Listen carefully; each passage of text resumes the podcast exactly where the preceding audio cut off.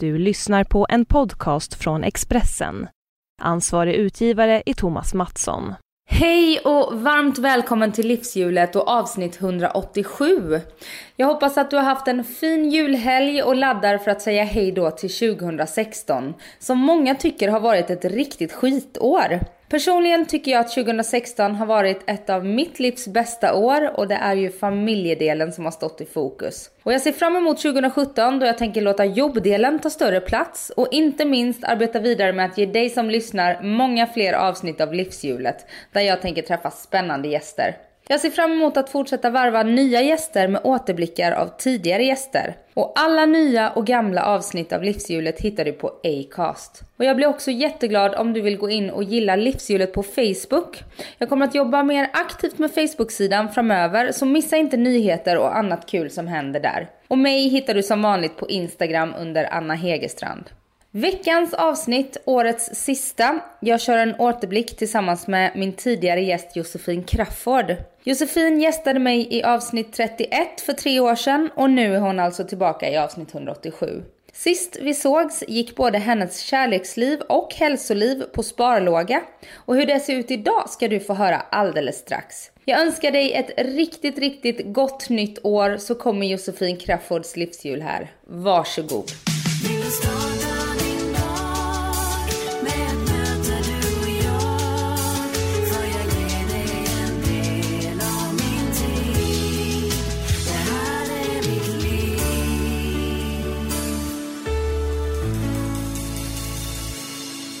Välkommen tillbaka. Tack så får jag mycket. säga. Hur mår Tack, du tack. då? Ja, men jag mår nog eh, bra när jag tänker efter eh, på det stora hela. Mm. Mm. Och varför då? då? Nej, men ibland, ibland blir jag lite rationell och då tänker jag så här, ja, jag är frisk, min kropp fungerar som den ska och eh, jag har jobb och pengar och mina barn har mat på bordet och de är också friska och glada. Och sen kan man ju lägga till saker. Jag har precis skaffat en jättegosig liten katt. Ehm, det är snart jul, ja men du vet. Och då när jag tänker så, då känner jag bara, nej men jag har det ju skitbra. Jag mår ju bra. Och när du tänker känslomässigt då? när det rationella försvinner? Ja, då kan det vara lite upp och ner. Det där ändras ju. Jag är ju en så kallad känslomänniska och ehm, det kan verkligen ändras flera gånger om dagen till och med. Jag är ju till exempel på morgonen är jag ofta ganska paj och sen brukar jag få ett ryck runt lunch och känna mig som on top of the world och sen framåt tre fyra på eftermiddagen, alltså ganska snabbt efter den, så går jag ner i något litet, ehm, ja, lugn eller vemod eller mörker beroende på eh, vad det är. Alltså det, det är upp och ner. Det är det verkligen. Men jag är ganska bra på att se livet från den ljusa sidan så att eh, oftast är det positivt. Mm. Du har ju en, eh, en liksom eh, approach som är väldigt glad och härlig och färgsprakande. Ja, jag har nog det. Och det är för att jag vill. Jag tror att det handlar om att jag vill att det ska vara glatt och färgsprakande och härligt. Eh, och då gör jag mitt bästa för, för att den... För att alltså jag tar vara på det som jag tycker om och jag försöker att inte grotta ner mig för mycket i sånt som är fel och jobbigt. Sen hamnar man ju där ändå ibland.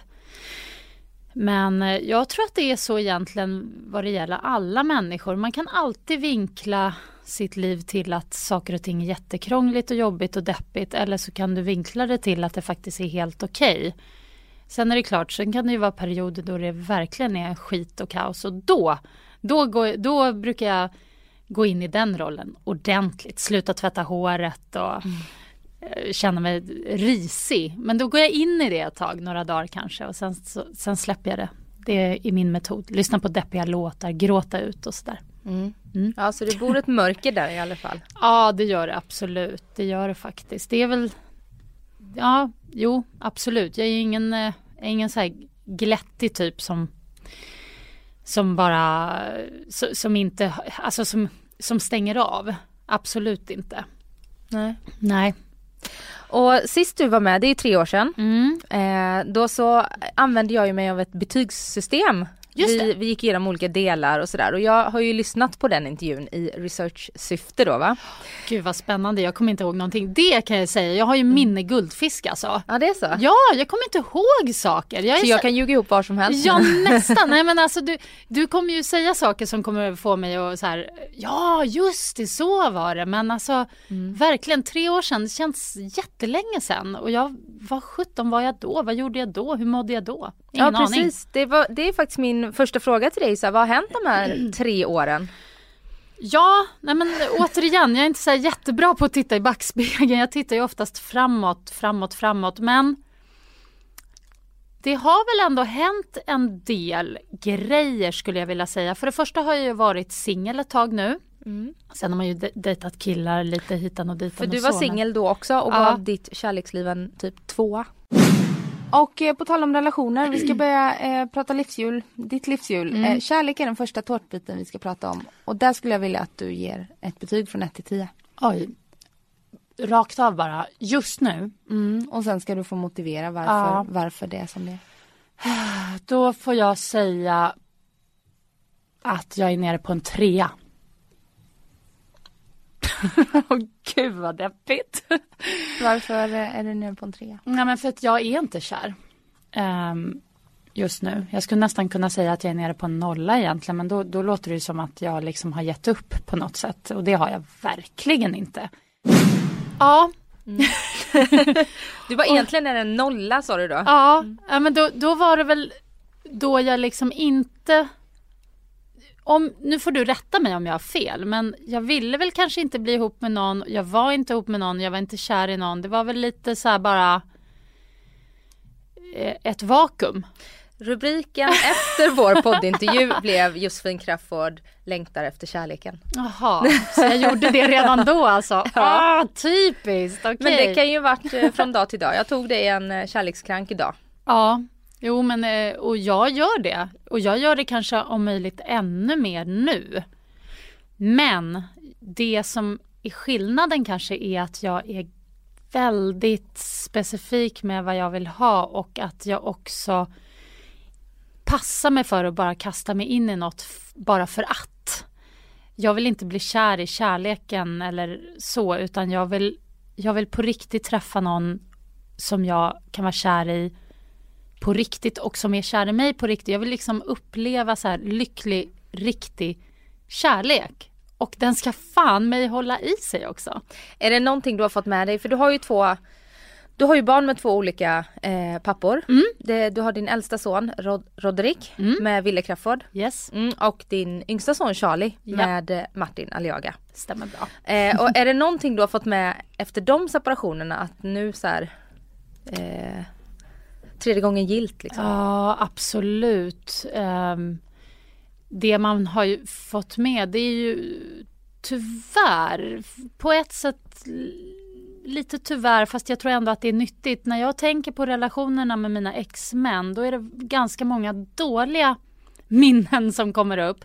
Finns bra också naturligtvis men just de saker som inte funkade i relationen det är saker som jag är helt säker på att det vill jag aldrig uppleva igen. Jag vill aldrig ha det så igen. Så att där har vi en sån typisk sak att om jag bara märker vissa tendenser hos en man som ja, bara tangerar de negativa sidorna, då är, det, då är det kört. Så att det är väl Sen lär man sig ju om sig själv också. Man ska inte bara anklaga sina ex utan man har ju själv betett sig tokigt. Och det har jag också dragit lärdom av att ja, hur man ska bete sig som människa helt enkelt. Um, så att, och där är jag nog lite mer nu för tiden, kanske lite mer försiktig, känner efter, inte lika. Jag har ju alltid varit så himla, just när det kommer ja, till allt egentligen, men just kärlek och känslor, så, så himla pang på rödbetan. Mm och liksom vill ha allt på en gång hela tiden. Och, och också blundat för så här, kanske lite dåliga tecken och signaler. Nu är jag mer öppen för det. Jag är mer kär som en inkännande eh, ja, jag vet inte, någon slags manet med massa så här tentakler ute som bara mm, vibbar av. Mm, vilket gör att du kanske, eller det låter som det gör att du får svårare att hitta kärleken för alla har ju något negativt. Mm. Och är du väldigt lyhörd för de här, ja ah, det här kan bli ett problem sen. Ja, ja, lite så tror jag. Samtidigt som, samtidigt så är jag väldigt mycket, alltså, jag tror, ja. Jag är ändå, alltså ibland så, det händer, det händer ju väldigt sällan, men när det händer att jag träffar någon som jag liksom tycker om sådär extra, då, då blir det nästan något djuriskt. Och det är väl det som jag måste se upp lite för, att jag kan bli så här... Det är som att jag bara känner att gud, den här mannen, det är, det är han jag ska ha. Mm. Det är bara han, det, han är bäst på alla sätt och vis utan att jag ens vet det. Jag måste ju kolla upp såklart. Mm. Och det är där jag måste lugna mig lite grann handlar väl om att vara vuxen. Det är ju lite tråkigt också. Bara, man ska vara så himla att man inte bara kan kasta sig. Alltså när man var liten, när man var yngre, man bara säger hej tjena, får jag chans på dig? Mm. Mm, ja, nej eller kanske. Ja, fundera till imorgon. Okej, okay, bra. Och så nästa dag. Ja, ja men okej, vi kör. Så jäkla skönt ändå. Mm. Jätteskönt. Idag är det så här, oj oj oj, det är så storslaget. Men eh, det finns väl något bra i det för att på riktigt, jag vill inte hålla på och hatta runt och ha massa olika. Jag är hellre själv då. Jag, jag är själv tills jag träffar the right one. Så känner jag just nu. Mm. Mm. Och du driver ju relationspodden ihop med Josefin mm. tillsammans med Ketsala Japp. Blanco. Japp. Mm, och det gör ni, vi startade samtidigt för tre och ett halvt år sedan. Oh, känns helt sjukt att man har hållit på med det där så länge också. Ja, och fick mm. hjälp av Adam mm. Alsing båda två. Ja, Mm. Tänk! Ja. Tack Adam! Världens bästa Adam. Ja verkligen. Tack vad schysst att, ja. du, att, att han kom med idén. Så. Men vi har ju ändå förvaltat eh, den chansen vi fick väldigt bra. Det har vi. Om vi någon gång vinner något pris eller så då mm. måste vi komma ihåg att tacka Adam. Ja. Man tjänar en slant också, det är trevligt. Ja för sist när du var här så gjorde du inte det. Och Nej. då sa du det att jag, man, jag vill inte bara se, idag så är det så um, alla jagar pengar och att det liksom så man ska, det ska leda till någonting allt man gör. Och den här podden brann du väldigt mycket för och, och ni gjorde den helt gratis. Och det är, du håller på med TV, mm. det här wellness yes. och podd. Och det är det som är din liksom Ja podden Fast är ju som sagt. det är ju privatliv med. Ja det är, ja. Eller podden är ju fritid eftersom ni inte tjänar några pengar ja, på den kanske. Fast samtidigt så är det ju ändå, alltså man kan ju ändå, jag, jag, tycker att alla jobb tjänar man inte pengar på. Jag ser det som ett jobb, jag behandlar det som ett jobb. Ja. Men idag så har det blivit en inkomstkälla. Ja det har det ju. Och det är fortfarande ingen jätte, jätte inkomstkälla på något sätt. Men vi är nu på en plattform och eh, ja, får in lite sponsorer och sådär. Så att det, och, och det, det som är bra med det, det är ju på något vis att man känner att det är Ja, att man att det är värt att fortsätta. Mm. Även de stunder när man är lite trött på den. För när man har hållit på så länge som du och jag, då tröttnar mm. man ju ibland på den. Mm. På sin podd. Man känner liksom, men gud, men det som också har hänt och framför allt sista skulle jag vilja säga, kanske halvåret, året, ja sen i somras, våras. Det är att folk verkligen stoppar en på stan och bara du, jag måste bara få säga jag älskar din podd. Och det tycker jag, alltså det gör min dag, det gör min vecka, det gör Mm. Så otroligt mycket. Jag blir så glad. Alltså jag tycker det är så häftigt. Jag köpte en bok på Pocket Shop häromdagen. Jag skulle åka tåg till Göteborg. Och då var hon i kassan så här. Du, din podd, den är så jäkla bra. Så jag blir helt så här. Åh! Jag blir helt varm alltså. Mm. Och det, då påmin, man, man påminns om att shit, folk lyssnar och tycker det är bra. Gud vad kul. För jag är ju inte själv en så bra poddlyssnare. Så att, eh, ja. Nej. Lyssnar du på din egen? Eh, ja, det gör jag. Jag lyssnar faktiskt på varje avsnitt. Mm. Det är också för att jag har minne guldfisk så att eh, när jag ska till exempel då instagramma att ett nytt avsnitt är uppe så vill jag skriva några rader om vad det handlar om, vad vi pratar om. Då har jag redan glömt det. Ja. Så jag måste lyssna på den. För att så här, även om det bara var några dagar sedan vi spelade in så måste jag lyssna igen och bara just det. Mm. Så man kan skriva några rader liksom. Mm. Och i övrigt så är det mycket radio? Det är mycket radio. Ja. Det är jättemycket radio just nu. Um, det är på, ja, på Mix och Svensk Pop, en ny radiostation. Åh oh, herregud, det där vinerbrödet. Hjälp. Ja. Efter eh, den där pastasalladen. jag har proppat i mig. Eh, nej men eh, precis, det är väldigt mycket radio just nu och jag tycker att det är skönt. Eh, det är olika grejer. Men det är i alla fall under samma tak kan man säga, på samma plats. Mm. Och målet är väl någonstans att så småningom göra något kanske lite större helhetligt som, som går att bygga på långsiktigt. Det är ju det jag vill. Vare sig det är radio eller tv för den delen. Men just nu är jag, jag känner mig som en radio, jag känner mig som radiojossan liksom. Just nu. Mm. Mm. Ja, alltså jag, jag var ju ganska ung när du började på ZTV. Hur gammal Mm. var du då? 19. Ja då var jag nio, ja tio Ja. var jag. Jag är nio år yngre än dig. Ja. Så att jag var inte riktigt ZTV målgruppen. Jag kommer till exempel inte ihåg att Mårten Andersson har jobbat på, på ZTV. Nej. Utan ehm, jag kommer ihåg dig mycket från The Voice Ja. eh, och sådär. Så du har ju alltid varit en radioprofil för mig. Mm. Sen har du gjort, var du med i Silikon? ja, det Ja. var jag också. Ja. Jag tror, det är verkligen så generationsgrej. Mm. Ett tag när man åkte tunnelbana så var det så här Åh ZTV! Så fort de såg mig. Och sen så var det så här Åh silikon! Ja. Och sen var det Åh Paradise Hotel! Just det, Paradise Hotel Ja. tittade jag på också. Det är liksom det första stora som du gjorde som jag Som du hängde Mm. med på. Ja precis. Jag jobbade till och med med det.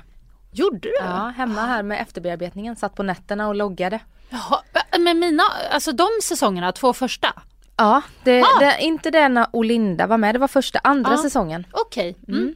Natasha Peire-säsongen. Precis. Just det, Ja, Elena. Bell-säsongen. Ja. Hon har ju bytt namn. Det, är inte det konstigt? Varför heter hon det? Natasha Peire som är, det är liksom, hon är ju the shit. Na, Natasha Mm. Pe- Peire. Nej jag fattar inte. Varför har hon bytt namn? Vet du? Nej, jag vet inte. Nej. Jag har inte kollat tillräckligt mycket på Hollywoodfruarna. Jag har kollat lite grann. Tycker det är kul. Älskar Gunilla Persson. Mm. Mm. Jag har varit hemma hos henne i, eh, i LA Har du det? och gjort reportage. Ja. Åh, kan inte jag få följa med nästa gång? Jo, jag tycker hon absolut. är jätterolig. Hon känns så himla missförstådd. Jag fattar inte varför alla ska klanka på henne och tycka att hon är galen. Hon är underbar. Jag tycker Hon- hon är en jättehärlig person. Hon är lite småtokig men är det inte härligt med sådana människor? Jo. Hon är faktiskt ett av de avsnitten som jag har fått mest feedback på. Eh, Ah. För hon var med i podden och det var många som tyckte att hon porträtterades eh, från en annan liksom, synvinkel. Mm. Att hon fick göra, komma till tals helt enkelt. Mm. Inte att man klippte ihop henne med lite kalanka musik och så tog det värsta liksom.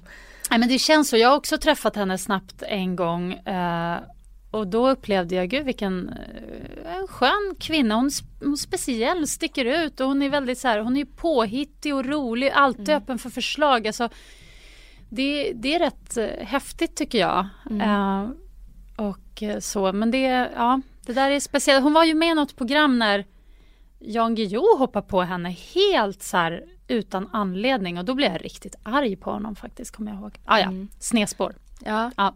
Gunilla Persson ja. Ja. ja. men från henne till radiojossan. Till radiojossan, precis. Eh, så att, eh, men jag kan känna så här, om vi ska prata om så här, jobb och sånt, så upplever jag att jag, trots att jag har jobbat i branschen sedan jag var 19, så känner jag att jag inte ens har nått min stora grejen. Det, känns sa du en- sist också. Ja, och jag känner verkligen det på riktigt. Det är som att jag fortfarande, jag är inte, jag är inte där än. Jag har inte, jag har inte landat i det. Jag är på väg mot det på något sätt. Men Vad är det för stora grejen då? ja, men det är ju det, det får, får man ju se. För att som jag brukar säga, det blir aldrig som jag tänkt mig, men det blir alltid som jag vill. Ja. Och det, med det menar jag att det är ingen idé att jag försöker så här planera och ha någon strategi för att jag ska nå ett specifikt mål. Dels för att jag inte vet till 100% vad mitt mål är.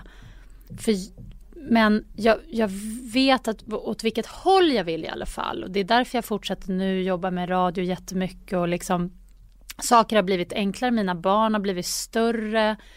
Eh, lugn och ro varannan vecka mamma. Jag kan fokusera på ett annat sätt och det känns som att jag har väldigt mycket i mig som, som ska komma ut på ett eller annat sätt. Och jag ska liksom, det här ska sorteras och utkristalliseras. Men jag kan inte hetsa fram det, det går inte, det är inte jag. Liksom. Nej. Drömmer du fortfarande om att leda Melodifestivalen? Ja, ja, det gör jag. Jag vill både leda den och vara med i den. Ja.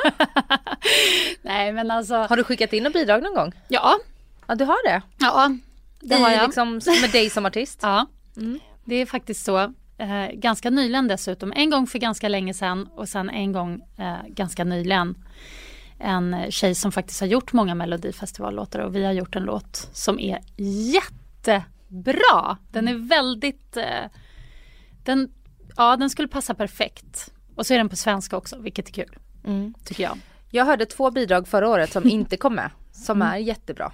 Så att eh, även där tycker man ju att det är lite de som har stora kanaler kommer med. Ja, I men, och jag menar grejen är så här, för att vara helt ärlig så skulle jag, alltså det är klart jag, jag känner ju att min naturliga roll skulle vara att leda Melodifestivalen. Mm. Att vara med, det skulle vara så himla fel så att det blir rätt. Ja. Och jag gillar ju alltid att utmana mig själv och göra något som är udda och annorlunda. Desto konstigare erbjudande, desto mer eh, sannolikt är det liksom att jag, att jag hoppar på det av någon konstig anledning. För jag, ibland, ja men när man får förfrågningar om saker så känner jag bara, men gud hur kan ni ens fråga mig om det här är fattnar? Jag är ju inte alls inne på det spåret eller jag kan inte alls det där. Och just därför så vill jag liksom utmana mig och testa och se om det kanske, kanske kan gå. Och så är det väl om man tänker att uppträda med en låt i Mello. Det skulle vara, men det är bara en sån häftig grej att ha på sin checklist liksom mm. och bara bocka av. Och sen är jag så mycket för, jag älskar Melodifestivalen för att det är så mycket show och eh, det, är så, det är så visuellt. Mm. Jobbade inte du med Mello för Expressen? Jo, oh, det ja. gjorde jag. Två år gjorde jag det. Jätte, jätteroligt var det. Mm. Fantastiskt kul. Ja, men du känns inte som den typiska Mello-tittaren liksom? Nej, det är jag nog inte. Fast jag är ju ändå det för att jag kan inte låta bli att engagera mig. Men man blir ju ännu mer engagerad om man jobbar med det. Då är det ännu mer roligt när man också får liksom vara med ut i, i media och tycka till och sådär. Det är jätteroligt tycker jag. Mm. Ja men vad roligt då. Ja, vi får väl se hur det blir. Men som sagt en vacker dag, kanske när jag är så 50 någonting, då kanske jag får leda Mello. Jag hoppas verkligen det. Om jag bara får göra det så kan jag dö lycklig sen. Ja, får skicka ut en liten så här eh, eh, vädjan till Christer Björkman. Ja, gud. Oh, ja, jag tror jag har gjort det. De få gånger jag träffat honom så har jag nog varit ganska snabb med att föreslå det. Ja, han, han vet vad du vill. Jag tror det, eller så inbillar jag mig. Jag kanske ska skicka ett mejl senare i eftermiddag. Mm. se. Men du är ju ganska rak som person, mm. har du sagt. Mm. Eh, men eh, du har också sagt att du har jobbat på att bli mer eh, bädda in eh, ja. det du tycker och tänker lite mer. Ja. Är det med åren eller? Det är med åren och det är också med erfarenheten av att jag faktiskt har sårat folk ibland. Jag har klantat mig helt enkelt. Um, jag har ju en ganska, vad ska man säga, ruffig och lite burdus eh, humor, för att inte säga galghumor. Som jag tror jag har fått liksom via mina föräldrar och släkt och kompisar. Alltså jag, jag gillar det och det tycker jag att man får gilla och även så att säga utöva ihop med sådana man känner och mm. där, där, där det är okej okay att vara sån. Men det jag kanske har gjort ibland och det har ju liksom blivit fel då just för att jag kanske har jobbat då med i media eller ja, liksom pratat ut till folk som jag faktiskt inte känner. Nej. Och så har jag liksom tyckt då, det här var väl roligt sagt ungefär. Eller jag har inte ens tänkt det men jag tycker själv att det, jag säger något eh, kul i stunden mm. spontant och så har det landat helt fel och då får jag faktiskt jätteångest. Um, så att det är ju något och det är ju sånt man lär sig av relationer också. Att man, bara för att man själv klarar en viss eh, ton eller stil så, så kan man inte köra det med vem som helst. Nej. Sam kan, ja. ja. Samtidigt kan jag tycka att det är ganska befriande med sådana människor. För jag vet som när mina vänner eller min pojkvän lyssnar på den här podden eller mm. ser mig i min blogg eller så här, de bara du, du framstår ju som en sjukt präktig, ganska tråkig, så här, platt och jag är långt ifrån platt. Alltså jag har, det är inte många som har så grov humor som jag har och det kan vara väldigt högt i tak ja. liksom. Men mitt jobb har ju, jag måste ju känna av. Mm. Först så intervjuar jag dig, sen kan Filippa Reinfeldt komma in här. Då intervjuar jag henne och sen kommer Dr. Alban in. Alltså du vet så här. Ja, och, Och- det, precis. Det kan bli rubriker men det kan också Mm. bli som sagt helt fel. Man kan det är väldigt lätt att du kan uppfatta som gud vilken spydig kaxig jävel eller korkat sagt och sådana där saker. Men jag önskar att jag skulle våga vara en sån som folk tyckte det om för då tycker man ju ändå någonting. Mm. Än att vara någon sån som ingen tycker ett skit om för att det går inte att ta på någonting Nej. så jävla tråkigt. Fast det är där radio kommer in som ett sånt fantastiskt bra medie tycker jag när man, när man gör en radioshow och hörs ofta. Att man faktiskt eh, lär känna man lär både känna sina lyssnare men lyssnarna lär också känna en och börja förstå till slut hur man funkar. Och, Ja. och den grejen älskade jag till exempel när jag gjorde Vakna med The Voice. Att jag fick ett speciellt band med lyssnarna. De greppade mig. Jag kunde liksom säga saker och de förstod precis vad jag menade. För att de visste vem jag var. Och jag gillar det. Jag gillar när, man, när, när det känns som att folk känner en. Men misstag som jag har gjort det har ju varit att jag då har trott att ja, men alla vet väl ungefär hur jag är. Jag kan säga vad som helst. Och det, så är det ju inte. Då, så att eh, det där är en, det är en balansgång. Man får välja sina sammanhang. Då upplever jag ändå att i podden så är ju du den mest censurerade och lite eh, finkänsliga Ja. ihop med Ketsala. Och Oh, ofta ja. gästen också. Ja. Att du är den som så här, eh, håller koll på tonen i podden. Mm, ja, men där försöker man ju liksom ta sitt lilla ansvar. Jag, jag, jag är oftast den äldsta. Inte alltid, men ehm, och sen är ju Ketsala är ju enormt frispråkig, alltså när det kommer till sex och sånt. Så Det är det, jättehärligt. det är jättehärligt men jag blir så här, oj men gud kan hon bara säga så där rakt ut? Och jag blir jättelätt generad och sådär också. Så, så det, nej, det är faktiskt fantastiskt eh, kul att kunna göra podden just ihop med henne för där är vi lite olika. Och sen har jag lärt mig av henne att så här, men det är okej att säga vissa saker. Jag tror jag sa knulla i podden första gången härom veckan och Katsala bara wow! Du sa det! För första gången. Men hon är ju mycket mer, eh, hon är inte alls lika eh, burdus eller vad man ska säga nu sen hon är i en relation. Nej, För där, hon har ju varit singel och i en Mm. relation i poddens historia om man säger. Ja, ibland är det, nu tycker jag ju väldigt mycket om Katsalas pojkvän. Men ibland känner jag så här, fan att hon inte är singel för att Mm. alltså hon gjorde så galna saker och det liksom för levde. Ja, det var, hon levde rövare. Men då kan väl du stå för det då? Jag bara, äh, ja precis, jag får göra det.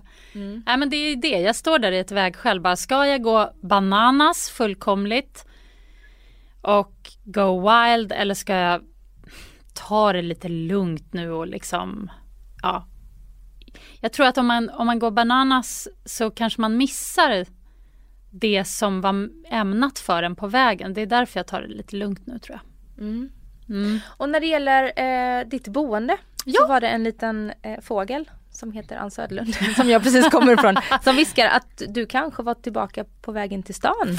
Yes box. Ja. Väntar bara på att eh, Ja, att vi, vi ska egentligen bara skriva på papprena nu. Eh, men ja, det lutar åt det. Att jag kommer tillbaks till Söder. Ja för du var ju frälst av radhuslivet sist. Jag var lite frälst och, och, men jag tröttnade också. Jag kände nu, började väl för faktiskt ungefär ett år sedan så började jag tänka väldigt mycket på att ah, men gud, det skulle vara skönt att bo i stan igen. En stor anledning är att jag har ju bil och när jag har bil och framförallt när jag bor där ute dessutom och det är liksom hela sex, sju minuter att gå till tunnelbanan. Då tar jag bilen hela tiden. Ja. Till, alltså om jag ska handla på Konsum, om jag ska, alltså jag, jag blir så lat och jag sitter i min bil dagarna är ända och i bilköer och jag känner liksom från att jag har varit en person som älskar att åka bil, köra bil, lyssna på hög musik, jag gillar verkligen det. Så nu känner jag bara så här, ah, jag, jag får nästan krupp alltså av att sitta där i bilen och bara känna mig så här, som att man bara sitter som en amöba i en bilkö och spyr ut avgaser och blir fet. Jag bara, nej, här, jag, vill inte, jag vill inte vara i det. Jag vill röra mig i vardagen. Jag är ingen träningsmänniska heller. Nej. Och när jag bodde i stan då rörde jag mig i vardagen på ett helt annat sätt. Jag cyklade ofta. Man liksom, det, det var en annan sorts rörlighet och jag vill tillbaks till den och sen längtar jag efter att det är liv och rörelse när man kommer utanför dörren. Att det är unga, gamla, en, en, en, någon slags mångfald om vi nu ska kalla det för det. Mm. Och att saker finns runt hörnet, att man kan vara spontan på ett annat sätt. Nu är det ju liksom, ja det är jättefint med naturen och frisk luft men jag får lite spel på det här det är väldigt homogent där ute där jag bor också. Det är liksom tvåbarnsfamiljer, pappa är arkitekt, mamma är formgivare eller barnboksförfattare. Typ ja, ja. ja. det är det. Och eh, det är jättetrevligt, det är trevliga människor och allting. Men jag känner mig lite som en så här, eh, vad ska man säga, katt bland hermelinerna eller en ful fisk eller någonting. Jag känner liksom att jag inte ska vara kvar för att jag inte vill det. Jag får ingen inspiration. Jag får ingen inspiration. Jag känner när jag är i stan, jag ser framför allt människor som det, det liksom händer saker runt en som gör att min hjärna kommer igång, att jag får olika uppslag och där ute får jag inte det. Nej. Det blir bara... När jag kommer hem, jag älskar ju mitt hus. Jag önskar jag kunde liksom skära loss mitt lilla, min gavel där och, och ställa på Nytorget. Men det går ju inte. Så att um, nej, jag blir, när jag kommer hem då, jag blir bara så här trött och vill lägga mig på soffan liksom. Ja. Fel känsla. Det är inte jag. Nej, är det bara det senaste året eller? Ja, jag skulle säga ett, ett och ett halvt år någonting. Och så började jag kolla runt efter lägenheter och nu har jag hittat en grym lya i eh, Hornstull. Mm. Och, den, eh, och grejen är, allt tar ju sin tid. Jag ångrar inte att jag flyttade ut Eh, till huset. Det, det har varit jättebra, det har varit en fantastisk upplevelse. Det har varit jättebra för Charlie som har fått sina de här um, åren från att han var ja, sex år då tills nu när han ska fylla tolv. Där ute kunna cykla mellan kompisar och så vidare. Men nu, nu är han stor, han åker tunnelbana, buss själv, han kan ta sig överallt och vi är mätta. Han sa det till mig, det var så skönt. Det är så skönt också när ens barn till och med säger Mamma vi är färdiga med det här huset nu. Vi, vi är klara med det. Vi har gjort det. Och det är verkligen så det känns. Vi är glada att vi har gjort det men nu är det, nu är det klart. Ja och när du flyttade ut så hade du också Rodrik då som, för han bor, bor han hemma nu? Nej han bor mest hos sin pappa, han vill väl ha eget. Ja. Det är det han är på jakt efter men i och med att pappa bor mitt inne i stan vid Slussen så bor ju ja. han mycket närmare KTH, han går ju arkitekt där så att han är ju så otroligt mycket på skolan. Så han kommer flytta ut till Enskede sen då? Vi får väl se. Vi får väl se vad som händer. Man mm. vet aldrig. Men det är också en anledning, det känns ju helt tokigt. Där sitter jag i ett stort femrumsradhus alldeles själv mm. varannan mm. vecka. Ja för det är det jag menar att du hade ju ändå mindre barn när du flyttade ut dit. Nu mm. är ju de stora även om det är ett tag tills framförallt Charlie då flyttar hemifrån. Ja. Så um... Ja, men det, det är ju det, men det är framförallt är det för min egen hjärnas skull. Jag känner mm. att, jag, att jag liksom dör lite där ute. Jag behöver action. Mm. Mm. Och nu ser det ut som du flyttar då ganska snart eller? Ja, i januari ska det bli. Ja, vad härligt. Ja, jättehärligt. Kommer ha en stor härlig terrass ut mot vatten. Och det, är, det var nog det som avgjorde det för mig. Att, att kunna blicka ut över vatten. Det är någonting med vatten det är ju inte ett hav då, då men, men det är i alla fall båtar och, och en öppen view. Alltså det här att, att ha en, en lång utsikt mm. och kunna se ja, vädret och mycket sol. Alltså, och ingen jäkla trädgård som jag måste hålla på och botanisera i. Usch! Jag hade inga gröna fingrar. Jag tänkte att, att de skulle bli gröna när jag flyttade till radhuset men mm. eh, nej, min trädgård har ju sett ut som, en så här, som ett fält som man, där man ska gå med lie varje sommar för jag orkar inte. Jag tycker inte alls att det är kul med trädgårdsarbete. Och alla homogena grannar går och tittar snett på din kaosiga trädgård. Nej fast alltså jag måste verkligen ändå säga det, mina grannar är jätteschyssta. De är ja. verkligen det. Men folk har olika intressen och jag har insett att trädgård is not my thing. Terrass är min thing. Mm. Jag mm. vet typ var du kommer bo för där går jag med barnvagnen ah. varje dag. jag har ju flyttat till Söder sen sist vi sågs. Ja, ah, är det sant? Mm, från Östermalm till Söder. Bra gjort! Ja, jag har tagit eh, steget till rätt sida av stan. Känns det så? Rätt? Ja, det gör det. Mm. Men jag tror att, säg att jag skulle separera från min kille så mm. tror jag att jag skulle dra mig mot Östermalm. För jag är väldigt behov av naturen. Ja. Vi började kolla på hus när vi, nu i somras, när man blir så här, "Åh, vi ska ha barn, vi måste göra, leva Volvo villa livet. Jag måste säga upp mig från alla jobbuppdrag och bara vara mamma i hela mitt liv. Ja. De här hormonerna du vet. Ja, ja, de, har know, lagt, I de har lagt sig lite nu. så nu älskar jag att bo mitt i stan. Ja. Mm.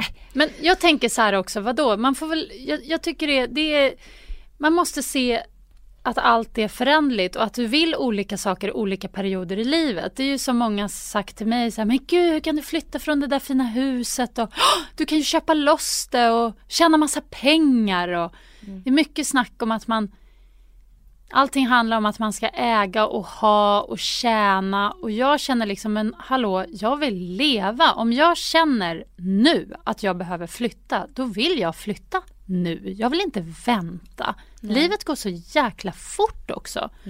Vem vet, jag kanske vill flytta till Småland eh, om sju år eller utomlands och till Afrika. Alltså jag har ingen man vet inte men jag tycker för mig funkar det bara att att göra som jag vill när jag vill det. Jag, jag klarar inte att, att på något vis... Jag, jag kan inte ens tänka mig att jag väljer något och sen ska det alltid vara så. För det är inte så. Nej. Har du fortfarande den där drömmen om att köpa något utomlands? Och bo de tråkiga vintrarna? Mm, det är klart jag har. Det är absolut, alltså om, om, eller om några år när även min yngre son är stor. Alltså då skulle, ju, då skulle det vara som en dröm om man på något vis kunde jobba och leva så att man kunde bo eh, någon annanstans under vinterhalvåret. För jag är så otroligt eh, ja, ljus, ljus och värmeberoende också. Jag mår inte så bra på vintern tycker jag. Jag vill bara sova hela tiden. Jag är som en björn. Jag skulle nog egentligen behöva gå i ide. Men, ehm, men ehm, ja, att, att ha det så, det skulle vara helt fantastiskt. Sen vet jag inte riktigt exakt var och så, men, men det, ja, det är verkligen en dröm. Och framförallt sen, sen längre fram när man blir pensionär, tänker jag. Mina morföräldrar de bodde i Frankrike på vintrarna. Och det gjo- gjorde de rätt i, tycker jag.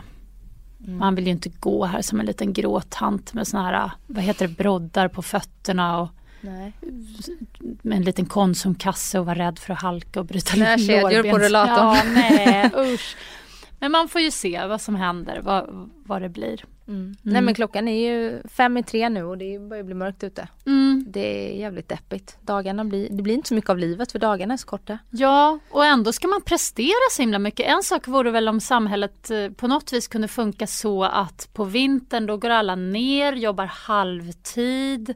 Barnen börjar senare i skolan och är inte där lika länge. Om, om, om vi kunde följa vår, vårt liksom leverne efter vädret, då skulle det funka.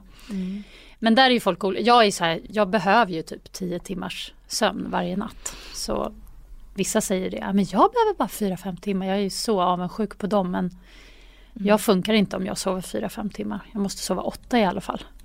Mm. Ja, I used to be like that. nu har man inte sovit mer än fyra, fem timmar i sträck på ganska länge. Nej men du är småbarnsmamma ja. Just Ja, det. Mm. Men på något sätt, kroppen vänjer ju sig. Men, men jag fattar vad du menar med det här med sömnen. Mm. Man blir dum i huvudet. Man blir det. Mm. Eh, det här med eh, hälsa och att ta hand om sig själv. Ja. Eh, sist vi såg så var det just kärlek och hälsan som fick väldigt låga betyg. Det Ja. andra fick, boende fick en tia för du älskade ditt radhus. Men Vad sjukt det är. hälsa, kost och motion. Oh my god! Alltså, oh, just nu också, just just nu så är det, oh, det är inte bra alltså. Det är nere på en tvåa. Du bara går runt i kolsäcken och orkar inte träna eller äta hälsosamt. Nej. Jag har ju äh, faktiskt aldrig tränat. eh, och det är orättvist. Att man är 40 och ser ut som du gör och aldrig har tränat. Ja, det är nog lite orättvist. Jag får hålla med där. Jag har varit jäkligt bortskämd med min genetik. Ehm, jag, ehm, jag har alltid varit smal. Jag har alltid haft liksom ändå muskler på något vis och ork och energi och sådär. Och dessutom tycker jag inte träning är kul. Jag har ibland bara för att man ska träna så har jag tänkt att ja, ja, men jag får väl börja då. Och så har jag börjat och så har jag tyckt att det varit tråkigt. Jag har försökt med personlig tränare, jag har försökt med olika sorters träning. Men jag, jag har inte gått igång på någonting egentligen. Men Ja. hälsan, den, eh, eh, du har ju inte behövt träna för att eh, hålla dig i form. Du har ju fötts med väldigt bra gener. Ehm, hur tar du hand om dig själv idag? Ja, inte tillräckligt bra. Det är också därför jag gör den här flytten. Återigen för det här med bilen, att jag sitter i bilen så mycket och jag vill komma bort från det. Jag tänker att om jag gör, flyttar till stan, gör mig av med bilen, då kommer jag automatiskt börja röra mig mer. Kanske till exempel promenera till jobbet eller cykla. Mm. Så det är ju ett steg i rätt riktning och det handlar ju inte så mycket om hur jag ser ut för jag tycker fortfarande att jag ser bra ut. Eh, visst, jag skulle väl kanske kunna vara lite... Ah, alltså, när jag gjorde det där jäkla simhoppsprogrammet då var jag så här perfekt. Alltså då hade jag så bra kropp. Det var väl två, två tre år sedan vad det nu var. Ja, drygt tre år sedan. Ja, herregud. Åh, gud vad länge sedan. Ja, men, ehm, men då fick jag också bevisat för, för mig att liksom, jag behöver inte så mycket för att ändå bli liksom, väldigt väl, vältränad, men ha en tight kropp. Liksom. Du svarar bra på träning. Jag svarar bra på träning, men jag tycker det är så tråkigt. Jag tycker det är skittråkigt att träna. Ehm, men ehm, då har jag tänkt istället så här att jag ska börja äta lite nyttigare. Så därför åt du bara ett halvt wienerbröd nu. Jag kommer äta upp andra halvan snart. Nej men jag tycker, jag, jag, det, det kanske inte verkar så för jag, nu köpte jag ett wienerbröd just idag för jag tycker att det är så himla gott. Och jag är ju kak och bullmonster, jag älskar kakor och bullar. Jag är inte så mycket för godis och chips och sådana där saker. Jag tycker jag äter ganska bra varierad kost och mat och grönsaker och så. Men ehm, det, jag, hälsan är bättre ändå, tror jag. Jag tror att jag var rätt mycket ute på krogen då när vi sågs också. Att jag var ute och festade och stod i rätt mycket har jag för mig. Det var ingenting du avslöjade men Nej. så tre år senare kryper det fram. Nej, men jag tror att jag partajade ganska mycket då och det gör jag inte på samma sätt längre. Jag har faktiskt börjat passa mig lite för det här med alkohol också för att jag gillar ju att dricka vin och öl. Jag tycker det är gott och härligt att bli lite lullig och sådär. Ehm, kan till och med digga en riktig bläcka någon gång ibland. Men jag märker att jag fysiskt inte mår bra av det. Och även psykiskt faktiskt. Att eh, nu för tiden så kan jag må jättedåligt i många, många dagar efter. Eh, så att Av nu- den kemiska ångesten. Ja, ja precis. Bo, liksom att jag, blir, jag märker jag blir slö i huvudet. Jag, blir, jag, jag känner mig lite lobotomerad. Mm. Eh, och det är ingen rolig känsla. Jag tycker inte om den känslan. Ehm, och då måste det vara värt det. Så nu, har jag, nu är jag ganska mycket så att jag tänker, är det värt det? Är det här tillfället så speciellt att det är värt att dricka? För mig kan det räcka med liksom två glas vin så känner jag av det ganska starkt.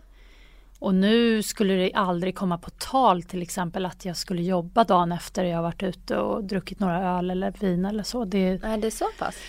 ja, det, det är nog så pass skulle jag säga i stort sett för att jag känner mig inte Nej, jag känner mig inte hel helt enkelt och jag vill, jag vill kunna känna mig hel. Och det är ju samma sak tvärtom. Alltså, jag kan ju inte njuta av att, av att bli full till exempel om jag vet att jag ska göra något viktigt nästa dag. Men jag kan njuta av det om jag vet att nej men det är helg och jag har inga barn och allt är chill. Imorgon kan jag bara ligga på soffan och snacka i telefon med kompisar och leka att jag är 18 liksom. Ja. Mm, då funkar det. Ja. Men just det här att eh, skära ner på alkohol känns som att det, är, att det blir väldigt vanligt. Jag har många gäster som har sagt det, att man passar sig lite för alkohol. Ola Salo bland annat festade Ja. jättemycket under arktiden. Han är ju helt nykterist. Han är ju nykterist och eh, vegan. Mm. Och jag tyckte det lät så himla tråkigt. Ja. Jag bara, du har ingenting kul i livet. Det låter lite tråkigt. Ja. Och han och jag hade ju, vi kände ju varandra back in the days då och vi festade mycket tillsammans också. Mm. Jätteroligt var det men, Men, det är ju eh, kul att bli full. Ja, och det är därför jag också känner att jag kommer inte dra det så långt att jag kommer sluta och bli nykterist. Jag tror inte det kommer ske. Dels för att jag inte behöver, för jag har inte de, jag har inga alkoholproblem så att säga. Nej.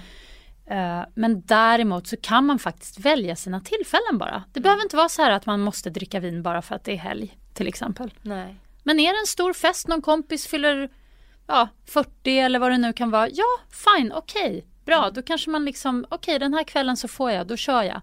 Sen är det ju ofta så upplevde jag när jag var singel i alla fall att många av de aktiviteter som singelaktiviteterna kretsar kring alkohol. Gå ut och ta ett glas efter jobbet och gå ut och käka brunch på söndagen och så dricker man ett glas till det liksom. Det är mycket alkohol som sprängs in här och där. Absolut, och det är det ju i livet överhuvudtaget tycker jag. Alltså det är ju, eh, det, det, det är ett sånt himla naturligt inslag. Och just här i Sverige också får jag för mig, jag tänkte på det i morse, lyssnade på radio i bilen, så var det någon så här vad är den sjukaste drink du, du någonsin har druckit? Eh, ring in och berätta. Och så ringde folk in och berättade konstiga groggblandningar. Och det här var alltså på morgonen. Och jag hade Charlie i bilen och tänkte så här, vad knäppt ändå att här sitter man på morgonen på väg, jag ska skjutsa Charlie till skolan och det är helt naturligt att man pratar om konstiga groggdrinkar på morgonen i radio och han sitter och lyssnar. Och han, ja, det, det är nog, vi har en märklig så här spritkultur i Sverige egentligen. Det är faktiskt så. Till exempel röka på eller så här, det är ju oj oj oj, det är, ju- då, är det jättekonstigt ungefär eller så här väldigt outstanding här men i USA är ju inte det en biggie. Nej. Nej. Nej det är ju Och det är ju drog som drog egentligen. Ja, alkohol hade väl förmodligen inte varit eh, lagligt om det hade kommit nu om man säger så. Nej, precis. Jag Men vet- samtidigt så måste jag ju ändå, då- alltså det, det blir så dubbelt för jag kan ju också tycka om det. Alltså ibland kan jag som till exempel varje månad när jag får mens så blir jag otroligt sugen på rödvin. Det är en sån här grej, jag måste ha rödvin. så eh, om det är en dag som passar då förhoppningsvis, då, ja, då delar jag gärna en flaska rött med någon kompis. Liksom. Ja det är, men ja. Ja. Andra blir sugna på socker eller Ja. chips eller sådär. Rödvin är väl inte, dricker man en gång i månaden så. Ja, precis. Nej, men har man jag vet- hört att det är nyttigt också. Ja. Ja och jag vet Peter Sipen sa till mig när han var med förra hösten kanske. Mm. Ni känner ju varandra. Och han dricker ju inte. Nej, Men, eh, fast han gör det ibland faktiskt. ja, men Ja. Inte, inte så ofta. Nej. Eh, och han, det är väldigt många som höjer på ögonbrynen. Bara, men du som är så kul och spexig. Du måste ju dricka och hålla på med droger såklart. För i Sverige så kan du inte vara rolig om du inte eh, knarkar eller super. Nej, och det är väl det som är med Peter. Han är ju så här, han är otroligt eh, ADHD-dampig om man får slänga sig sådär fult med sådana uttryck då. Men, men eh, han behöver ju verkligen inte dricka för att vara kul. Nej. Han är så kul ändå som han är. Mm. Och det är ju good for him liksom. Men det är ju som med mig, alltså ofta om jag till exempel är ute, jag är ju också väldigt känslig för alkohol. Jag kan ju dricka två öl så tror ju folk att jag har tagit LSD liksom. Mm. Så det är har man ju fått höra ibland, men gud. Vad var det med henne? Hon verkar helt drogad. Bara, Nej, jag drack en bärs bara. Det är bra. Ja men det är för att jag också gillar att gå ut och när jag väl går ut och till exempel festar då vill jag liksom, då vill jag festa. Det är därför jag blir utslängd från spybar och sånt för att jag vill dansa, kul och liksom sitta på axlarna på någon polare och hoppa upp på bardisken och det det tycker jag är att festa, det är ju att släppa loss till 100 procent. Och det får man ju inte alltid göra överallt. Och, och som tjej också, då ska man ju helst bara stå i ett hörn och vara snygg med ett litet glas bubbel och blänga med sina fula lösögonfransar typ. Ah, Usch! Man kan göra både och. Man kan ha fula lösögonfransar och festa. Det kan man faktiskt, det brukar jag ofta ha. Längtar lite efter mina fula ögonfransar nu faktiskt. Ja det är så. Gör du några DJ-gig? Inte så mycket just nu. Eh, något här och där men absolut inte på på så här, eh, ja, veckovis basis eller någonting. Och det, det är lite samma sak där. Att jag känner nu med det här radio, de olika radiojobben jag gör, vil- vilket tillsammans blir ganska mycket. Så kan jag inte riktigt DJa för att då måste jag dricka. Ja. eh, för att orka. Och det är ofta sena kvällar och då blir jag ju trött dagen efter och så här, så att jag har lite valt bort DJ-andet. Jag tycker, jag älskar att spela musik men jag är nog egentligen inte en jättebra DJ för jag är alldeles för förtjust i min egen smak. Så jag är dålig på att spela det folk vill höra. Och så känner jag att jag måste prioritera. Jag kan inte bara tacka ja till allt. Jag har inga ambitioner att bli liksom någon slags super-DJ på något sätt. Absolut inte. Nej. Nej. Har du några nyårslöfte då? Oh, jag tycker det är svårt med nyårslöften. Jag brukar inte hålla dem. Tror jag. Jag brukar ge mig såna här orimliga löften, typ innan årets slut ska jag äga en swimmingpool och sånt. Men det händer ju aldrig liksom. Jag har inte tänkt på det. Nej. Vad ska man ha? Vad ska man lova? Usch, jag tycker inte om att lova saker. Om jag har en eh, någon härlig man runt nyår så kan jag ju lova att jag att jag ska ge honom en chans. Ska ge honom, tack, där har vi det. där har vi det. Nej, det, den, är, den är svår. Ja, du den får är svår. fnula vidare på den. Ja, det är jobbigt att, att lova, lova saker om man känner att man kanske inte kan hålla det sådär. Och jag har inget som jag känner att jag egentligen... Jo, kanske att jag ska bli lite bättre på att verkligen umgås med, min, med, med liksom mina vänner och så. Jag, jag kan väl tycka att jag en period nu har varit väldigt uppslukad i jobb och mina barn. Mm. Och that's it. Och min katt. Jag har ju blivit en sån här katttant. Jag är ju besatt av min egen katt. Jag måste hem till katten hela tiden. Och mm. Jag vill bara gosa med katten. Jag kommer med så här dåliga undanflykter när polare vill göra saker med en för att jag vill bara vara hemma med min katt. Det Hur funkar knäppt. hon med Anneli då? Anneli är död. Är inte Anneli med? Nej, Anneli är inte med. Anneli är med här. Ja hon, mm. ja, hon sitter på din arm. Ja. När gjorde du den tatueringen? En tatuering. Ah, gud, den här historien alltså. Anneli, hon dog i januari. Och ja, bara, bara veckor tidigare så hade jag då eh, hört talas om den här tjejen som har tatuerat mig. Mm. Och åkte till henne och berättade, jag har en liten chihuahua som jag vill ha och, och då hade jag blivit förvarnad att den här tjejen hon är så uppbokad så att du kommer inte få tid med henne förrän kanske efter två år. Och då tänkte jag så här, ja ja, då får jag väl boka och så får jag gå till henne om två år då. Mm. För jag var helt säker på att det är hon som ska göra tatueringen. Mm. Fru Duva för övrigt kallas hon. Fantastisk, så jäkla duktig så det är inte klokt. Hur som helst, så när jag berättar att jag har en chihuahua så visar det sig att hon har också en chihuahua. Och vi snackade lite och vi hade massa gemensamma. Så hon var så här, nej men jag vill göra din tatuering. Jag har inte tid egentligen men vi klämmer in det en helg. En vecka senare så dör Anneli väldigt snabbt plötsligt. Hon var ju gammal. Ja. Hon bara gav upp. Hon slutade äta, slutade dricka.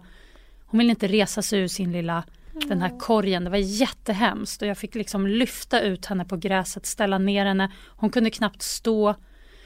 det, var, det var så fruktansvärt och bara på två, tre dagar så, ja, vi fick ju åka in då till slut till mm. djursjukhuset och, och så fick de ge henne en spruta och det är bland det värsta jag varit med om kan jag säga. Det, ja. Jag trodde aldrig att jag skulle ta det så hårt. Jag har ju skojat i flera år om henne och att så här, men ska inte kärringen dö någon gång och sådär. Mm. Men när det väl hände, alltså den sorgen, den alltså jag, jag grät liksom direkt när jag vaknade började jag gråta. Mm. Och så var det kanske två veckor och sen var det ytterligare flera veckor och det är fortfarande så gör det ont att hon försvann. Och jag var så här jag var så orimligt ledsen. Det var som att förlora en familjemedlem. Jag, här, jag är så hormonig också så jag får så här ont i bröstet. Nej men det var hemskt. Det var så hemskt och det var så konstigt på något vis för det var det hela på djursjukhuset så gick det väldigt lugnt och fint till och det kändes mm. bra i stunden. Men sen när vi åkte därifrån och jag kom hem då var det som att jag bara nej. Alltså då var det som jag insåg att hon var borta på riktigt och jag fick liksom panik. Jag ringde tillbaks till djursjukhuset. Varför, varför ringer jag? Jag visste ju hon var död. Jag visste att det är slut. Mm. Och så ringde jag och bara kan jag få komma tillbaks och titta på henne och liksom Alltså jag kunde inte acceptera. Nej. Och det, jag bara liksom och, jag började skuldbelägga mig själv, att det var mitt, att jag hade gjort något fel, att jag har inte tagit hand om henne ordentligt. Jag menar, hon blev 15 år, hundar dör av ålder, det är bara att inse. Men jag kunde inte acceptera det, det var hemskt. Hur som helst, så gjorde jag sen den här tatueringen på Anneli. Och Det är då- nästan henne i verklig storlek på din arm. Ja, det är nog ganska exakt verklig storlek. Och så har hon en liten humla på huvudet där, för hon tyckte om att jaga humlor på, Ah. på sommaren. Och så... Nej, så, så det, var, det var lite jobbigt i början när jag hade tatueringen för då började jag gråta så fort jag såg mig själv i spegeln för att Ja, jag jag såg förstår tatueringen. Men nu känns det jättebra. Mm. Och sen har jag och Charlie känt att det har varit väldigt ensamt att inte ha djur. Jag gillar att ha djur omkring mig. Och så hur det nu var så kom vi fram till att eh, en katt vore kul. Mm. Så nu har vi en liten, en liten prins hemma. Ja, Mm. vad härligt. Det är faktiskt en av anledningarna till att jag inte har skaffat djur. Att jag skulle fästa mig så hårt Man gör det. Ja, nu har jag i och för sig skaffat barn. Så att nu går man ju med ständig oro liksom. Ja. Livet ut. Ja, men där hoppas man ju och håller en tumme på något vis för att man själv ska Ja. go out before så att säga. Ja, man får köpa en papegoja då. Man blir väl så här 80 år eller sköldpadda Åh något. gud, gör inte det! Min mamma, jag är uppvuxen med papegoja. Ja. De är jobbiga kan jag säga. Alltså så. papegojor, eller våran var hemsk. De önskar man ska dö kanske. Ja, de önskar en själv döden typ. Alltså våran så här, var en gulpannad amazon, han var helt galen. Mm. Han tyckte bara om min mamma. Bet alla andra, bet sönder saker, skrek rakt ut. Han kunde säga en sak och det var håll käften, bara en sån sak. Man bara, men alltså den där jäkla papegojan. ja, nej, men, eh, nej men eh, en liten kiss i alla fall. En liten kissekatt har vi det är nu, så det, det känns bra. Och han, ja. Ja, han är underbar. Han är som en hund, han är som en blandning av en hund och en apa. Han är inte alls kattig, han är Mm. väldigt gosig och rolig. Och apporterar, man kastar så här en boll eller något så kommer han tillbaks med den. Alltså, Nej, vad roligt. Ja, det är jättekul. Mm. Så det är roligt. Det är lite så här, ja, jag hade nog inte kunnat skaffa en chihuahua. För då- då hade jag tänkt på Anneli och kanske jämfört för mycket. Ja, Mm, nej då är nog bra att ta något helt annat. något annat. Josefin, tack för att du kom hit. Tack, vad kul! Jag älskar att prata med dig. Ja, men detsamma. Vi kör om tre år igen tycker jag. Det gör vi, det går ju fort så vi Ja, ses snart. Verkligen. Hej då. Hej.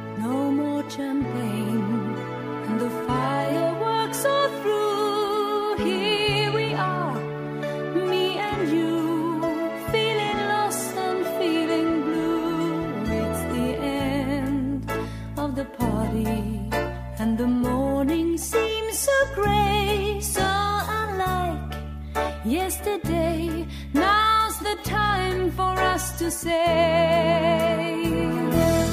Happy New Year, Happy New Year.